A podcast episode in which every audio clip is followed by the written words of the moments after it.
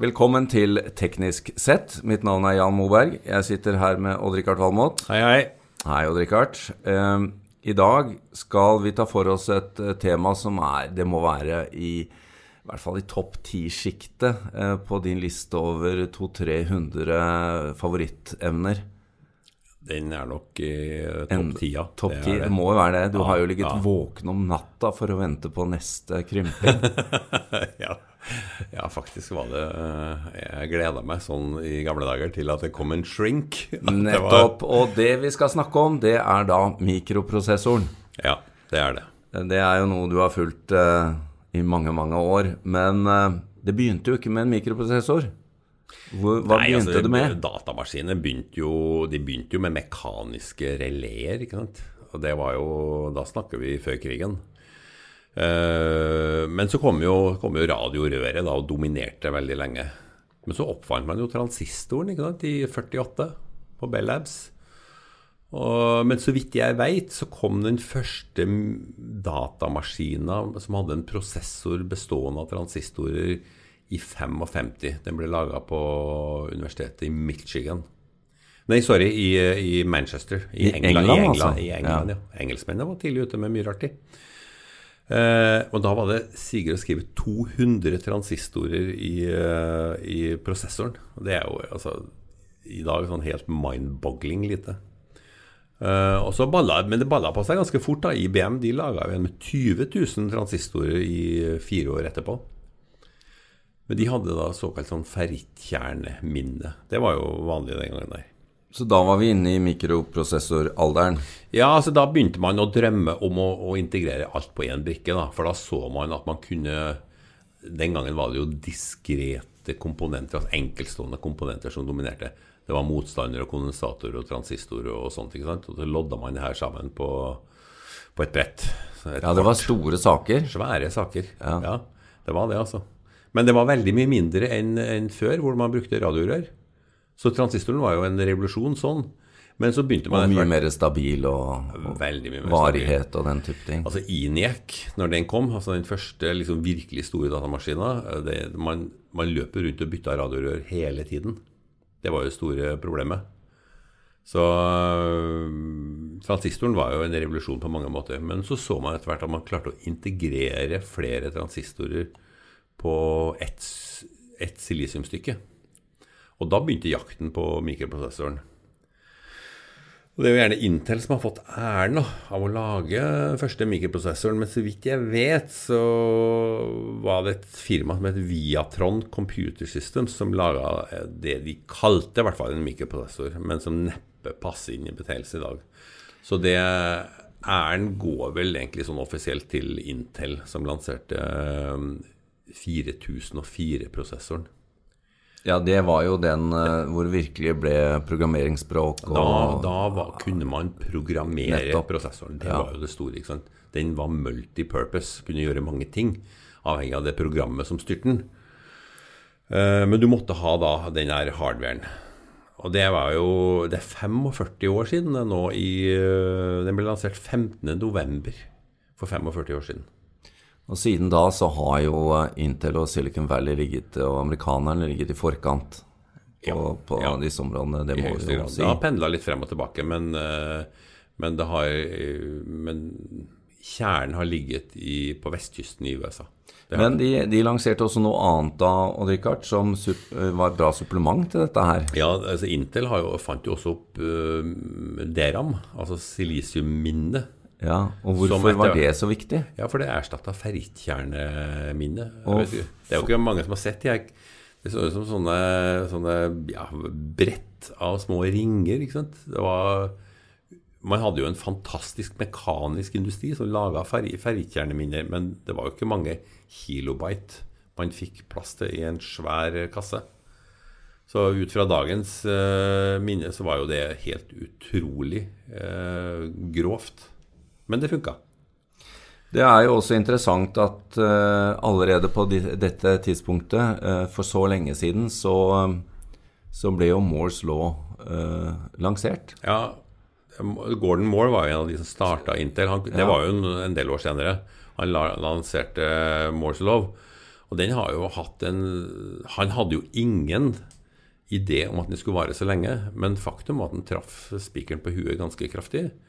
Eh, Dobling av kapasiteten i forhold til pris hver 18. måned? Ja, den har riktignok blitt modifisert litt, og nå ja. ser vi vel egentlig at den begynner å gå litt tom for luft. Nå klarer de ikke å krympe så fort som de gjorde før annethvert år var det jo en, lansert en såkalt shrink før. ikke sant? Det var nå, det som holdt deg våken? Det var det som holdt meg våken om natta.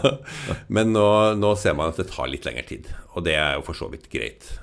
Uh, vi, vi, begynner å nærme oss en fysisk grense. Men det er jo ikke verre enn at vi, vi ser nå mot 10 nanometer da, neste gang. Den, uh, den, prosessoren som kom i uh, Den første prosessoren for 45 år siden, den hadde jo altså 10 000 nanometer linjebredde. I dag er vi nede på 14. Ja. Det er helt utrolig altså, å tenke på. Altså, og det var en revolusjon den gangen der. 10 000 nanometer. Altså, det er eh, det var, jo, det var jo tynnere altså En tiendepart av et menneskelig hår. Ja, Det er som å gå fra en motorvei til en tusjstrek. Ja, ja, det var det. Ja, ja enda, enda mindre, tenker jeg. Men det var jo det var en fantastisk revolusjon. Når du snakka om at disse kretsene inni prosessoren her er tynnere enn et menneskelig hår. Det var jo ufattelig. Ja. Den gangen. Den gangen, ja. ja. Men det tok jo ikke lang tid før uh, dette her fikk denne litt uh, eksponentielle utviklingen som vi snakker om, da. For uh, firebit-prosessor var nå én ting, men så kom jo da Så kom 8-biten, og det var vel tre år etterpå. Da kom 8008. Og da snakker vi om liksom forløperne til det som ble PC-en, da. Uh, da, men de første prosessorene de ble brukt i kalkulatorer. Det var liksom lenge før, før, man tenkte å bruke det her til å drive datamaskiner. De ble, la, de ble laga av sammenlodda prosessor uh, Altså transistor. Transistor.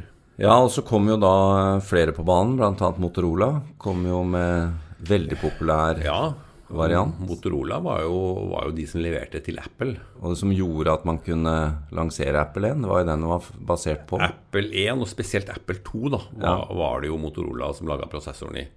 Uh, og det var jo egentlig den første PC-en. Altså Apple 2 uh, eh, var, eh, kom fire år før IBM PC. Og IBM PC var jo egentlig bare en klon av det Apple hadde lansert. Men uh, i motsetning til Apple så åpna jo de opp MS-DOS som var operativsystemet. Men det er jo en annen historie. Ja, det er det, men her kommer jo, som du sier, IBM var på banen. Sun Microsystems var der. Digital og andre. Veldig mange begynte å, å produsere uh, prosessorer den gangen. der. Men det var altså ut fra dagens teknologi så var det jo helt utrolig uh, primitivt. da. Altså De første prosessorene de laga de på to toms wafer. Du har sikkert sett sånne svære disker de holder opp med hundrevis og tusenvis av prosessorer på. To tommer, altså. Fem ja. centimeter i diameter. Det var de første. Nå er det tolv tommer som dominerer. Det er Altså, utbyttet har gått opp noe aldeles fantastisk. Men det var, det var en revolusjon. Og så kom jo den der 8-bits-prosessoren, og den hadde jo da 3500 transistorer. Og det var jo Det begynner å nærme seg en dobling, ikke sant? Uh, og så var det jo en periode, og den husker jeg veldig godt, hvor, hvor prosessorene sloss om, uh, om uh, å vinne. og det var ikke dermed sagt at Intel var på topp. altså Motorola var sterke konkurrenter. Det var Sun, Mips, Digital, som hadde sin alfaprosessor, som for øvrig hadde en nordmann, Fossum, mm. som, som, hoveddesigner. men etter hvert så, så ble ja. det liksom inntil alt sammen. Vi husker jo, eh, vi husker jo dette med å oppgradere eh, altså IBM PC-klonelignende saker fra mm. 86 til 286 og ja. 386, og så kom Pentium og ja. Det var, uh, det var en fantastisk uh, Det skjedde jo noe hvert år. Reise, ja. ja. Det skjedde noe hele tida. Og ikke minst klokkefrekvensen. ikke sant? Én ting at antall transistorer gikk opp, mm. men klokkefrekvensen så også ut til å gå liksom uendelig opp. Det, det, gjør den jo ikke lenger. Det er ingen som snakker om klokkefrekvens. Den har liksom nådd sitt maksimumspunkt. den. Driver du den mer opp, så må du inn med altså, nitrogenkjøling og, og sånt. Så, og du bruker veldig mye strøm. Så mm, nå er det jo antall kjerner, og det var det jo ikke Intel som fant opp. Du husker AMD? AMD var en second source, for veldig mange ville kjøpe fra Intel, men de ville ha en sånn backup. Og så Intel lot AMD få produsere prosessor også, etter liksom sin arkitektur. Og det gjorde, Så de, de liksom leverte til de store produsentene. Men så ble Intel så store at de sa nei, dere får ikke produsere lenger. Og da tok AMD og gikk inn i et eh, mørkt rom, og så sa de dette skal prosessoren gjøre. Mm. Og så, og så reengineera de hele prosessoren. Med, med, stor bravur. Med stor bravur, ja. De ja. kom jo frem til en mer effektiv arkitektur også. I perioder da, så har det pendla frem og tilbake. En av de store En av de andre store um, virkelig minneverdige tingene som har skjedd, var jo da Apple gikk fra Motorola til Intel. Ja. De, de, fordi at det var jo designet rundt Motorola, men så skrev de altså alt om og fikk det til å gå på Intel-prosessoren i løpet av rekordtid. Ja, Det er jo ikke så veldig lenge siden. Det var jo etter at Steve Jobs kom tilbake. Ja, det var det. Hvor han så at fremtiden ja. lå rundt Intel-arkitekturen, altså det vi kaller X86 nå. Og det her med Motorola-sporet, det var et uh, feilgrep. Det var jo det var jo resultatet av en tidligere kamp, som du sikkert husker, hvor det var SISK mot RISK. Komple altså Kompleksiteten i prosessorene begynte å bli veldig stor, og så fant man ut at RISK, eh, altså redusert kompleksitet, var tingen. Og, og, det var lenge et sånt løp mot, mot RISK. Alle så at det her var fremtida, mens Intel representerte det gamle. Eh, og det Motorola heiv seg jo på et det toget sammen med IBM og andre og laga PowerPC, som du sikkert husker. Så PowerPC var det som drev Mac-ene en, en, god del. Men så ble jo denne diskusjonen Det ble veldig komplekst alt sammen. Eh, så diskusjonen gikk litt over, og så ble det Intel eh, alt sammen til slutt. Men det var da AMD kom på banen ja. Eh, og spilte Intel et forferdelig puss. For Intel man, Den gangen var prosessoren 32 bits. Og så skulle man gå mot 64 eh, bits. Og Intel mente at Itanium var veien å gå. Altså en helt ny Da skulle de fornye hele arkitekturen og gjøre den mye mer effektiv. Og så lanserte de Itadium. En, egentlig noe som, som kom fra HP og digital. Men da sa AMD at vi skal ikke ha noe Itadium, nei. Vi skal, vi skal, gå, for flere, vi skal gå for 64-bit X86. Så det var AMD som lanserte X86 i 64-bit. Det var litt nederlag for Intel. Det var, var, et forferdelig skudd for, for Intel. Eh, det, så da, da, fikk de en sånn, et sånn ordentlig oppsving. Og så gikk det et par år, og så sa de at nei, vi skal ha, vi skal ha flere kjerner på denne, på denne silisiumbiten her. Og så lanserte de tokjerne 64-bit uh, X86-prosessor. Og det var da AMD som gjorde. Og da var jo Itanium-løpet til, til, Intel kjørt. De, de produserte riktignok i mange år enda, men det var bare for å tilfredsstille eh, gamle kunder.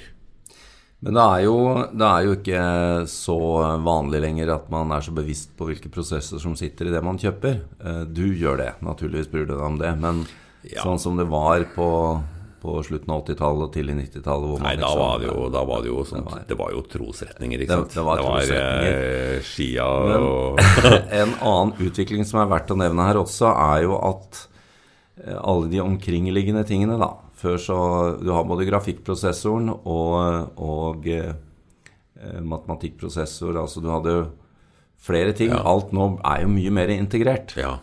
For at den gangen var det ikke mulig Når, eh, når PC-en kom, så måtte du gjerne kjøpe til en matematikkprosessor for at flytallsoperasjoner skulle gå litt fortere. Mm. Så skulle du jobbe mye i Excel, så måtte du gjerne ha en matematikkprosessor. Ellers gikk det veldig tregt. Og det var jo gjerne sånne slåtter i, i, på kortene, hvor du kunne sette inn en, en sånn såkalt koprosessor, som vi snakka om den gangen der. Men så ble jo det bygd inn i tror jeg 486, og var den på plass. Og da var det slutt på, det, på den koprosessoren. Men så gikk det jo en del år, da, og så kom, eh, kom dataspillene for fullt. Og da var det gjaldt det å få grafikken til å gå fort. Og det er også en sånn flyttalsdevice, ikke sant. Men veldig enkle prosessorer. Men du skal bare ha mange av dem. Så en typisk sånn øh, grafikkprosessor den har jo veldig mange kjerner. Og det jo, har jo blitt populært. Og så har den også etter hvert funnet veien inn i prosessoren. Dagens prosessorer de har jo en voldsom grafikkytelse. Men fremdeles er det et marked utafor. Så de, de virkelig sånn dataspillerne de kjøper jo egne kort for å drive grafikken. Ja da, og det er noe, noe som uh, er et stort marked, og som også Intel har adressert eh, senest i år. Ja da, men, uh, men, det er jo sånne som Nvidia sånne som dominerer det. Og det er jo ingen som har så mange transistorer på chipen sin som, som Nvidia. Men det er, det er fryktelig mange kjær, fordelt på fryktelig mange kjerner. Det som også er spennende nå, er jo at denne teknologien blir jo Vi tenker på eh, datamaskiner og den type ting, men, men nå kommer det jo for alvor også inn i, inn i mange andre Alt fra droner og biler og alt mulig. Nå kommer jo virkelig kraften. Ja. Um, Prosessorene altså de, de, har, de, har, de har vandra ut av datamaskinene. Det, er, det er virkelig sant. Og med båndbredde og eh, det som er tilgjengelig av, av eh, mobilitet, da, så vil jo kraften der ute også trengs i større grad. Ja, og det markedet er jo dominert av engelskmenn med ARM, ikke sant. ARM har blitt en veldig populær arkitektur å flytte inn i alle mulige devices, for det koster så lite. Og det er så smått og så billig å lage. Så snart har jo alt prosessor. Jeg vet ikke hvor mange prosessorer det er i en bil, men det er mange. altså. Stadig flere. Stadig flere, ja. Eh, men Richard, for å um, runde av denne, hva, hva har eh, foruten eh, Fossum i Digital, hvem, hvem, hvordan har ellers Norge påvirket denne utviklingen? Eh, altså Norge, grafikkdelen hos ARM, utvikles for sto, for, i stor grad i Trondheim. Det er kanskje ikke så mange som vet, men eh, ARM kjøpte jo det norske selskapet Phalanx Systems eh, for en del år siden. Og nå er det en ARM, og de utvikler grafikkdelen. Men de utvikler bare design. altså Det er ikke noe snakk om prosessorproduksjon. ARM leverer design, og så er det andre som leverer eh, prosessoren. Men det er jo, det er jo viktig altså Uten et godt design så er det jo kjørt. Da er det kjørt. Da er det, kjørt. det er jo superviktig bidrag. Ja. Hele industrien har jo utvikla seg til å bli såkalt fabless. Altså Intel har fabrikker, men svært ofte så lager folk et design, og så får de det produsert på, på Taiwan. Hva kan vi forvente oss de neste par årene av utvikling? Vi kan forvente oss 10 nanometer, og deretter sju, og så kanskje fem. Så det blir noen våkenetter? Det blir noen, noen våkenetter til. Det gjør det. Eh, men så, spørs, så er det store spørsmålet Det har jo en slutt der. Altså nå er vi så, Det er så lite ikke sant, at det er ikke mange, det er ikke mange ato, silisiumatomer i, i veggene mellom lederne. Og det er klart du kommer ikke under atomnivå. Da er, da er, vi, over på altså Da er det kvantecomputing som overtar. Men uh, det er noen år til, Jan. Det er godt. Vi får uh, følge med og holde, holde lytterne oppdatert når vi kommer det, dit. Det skal vi gjøre.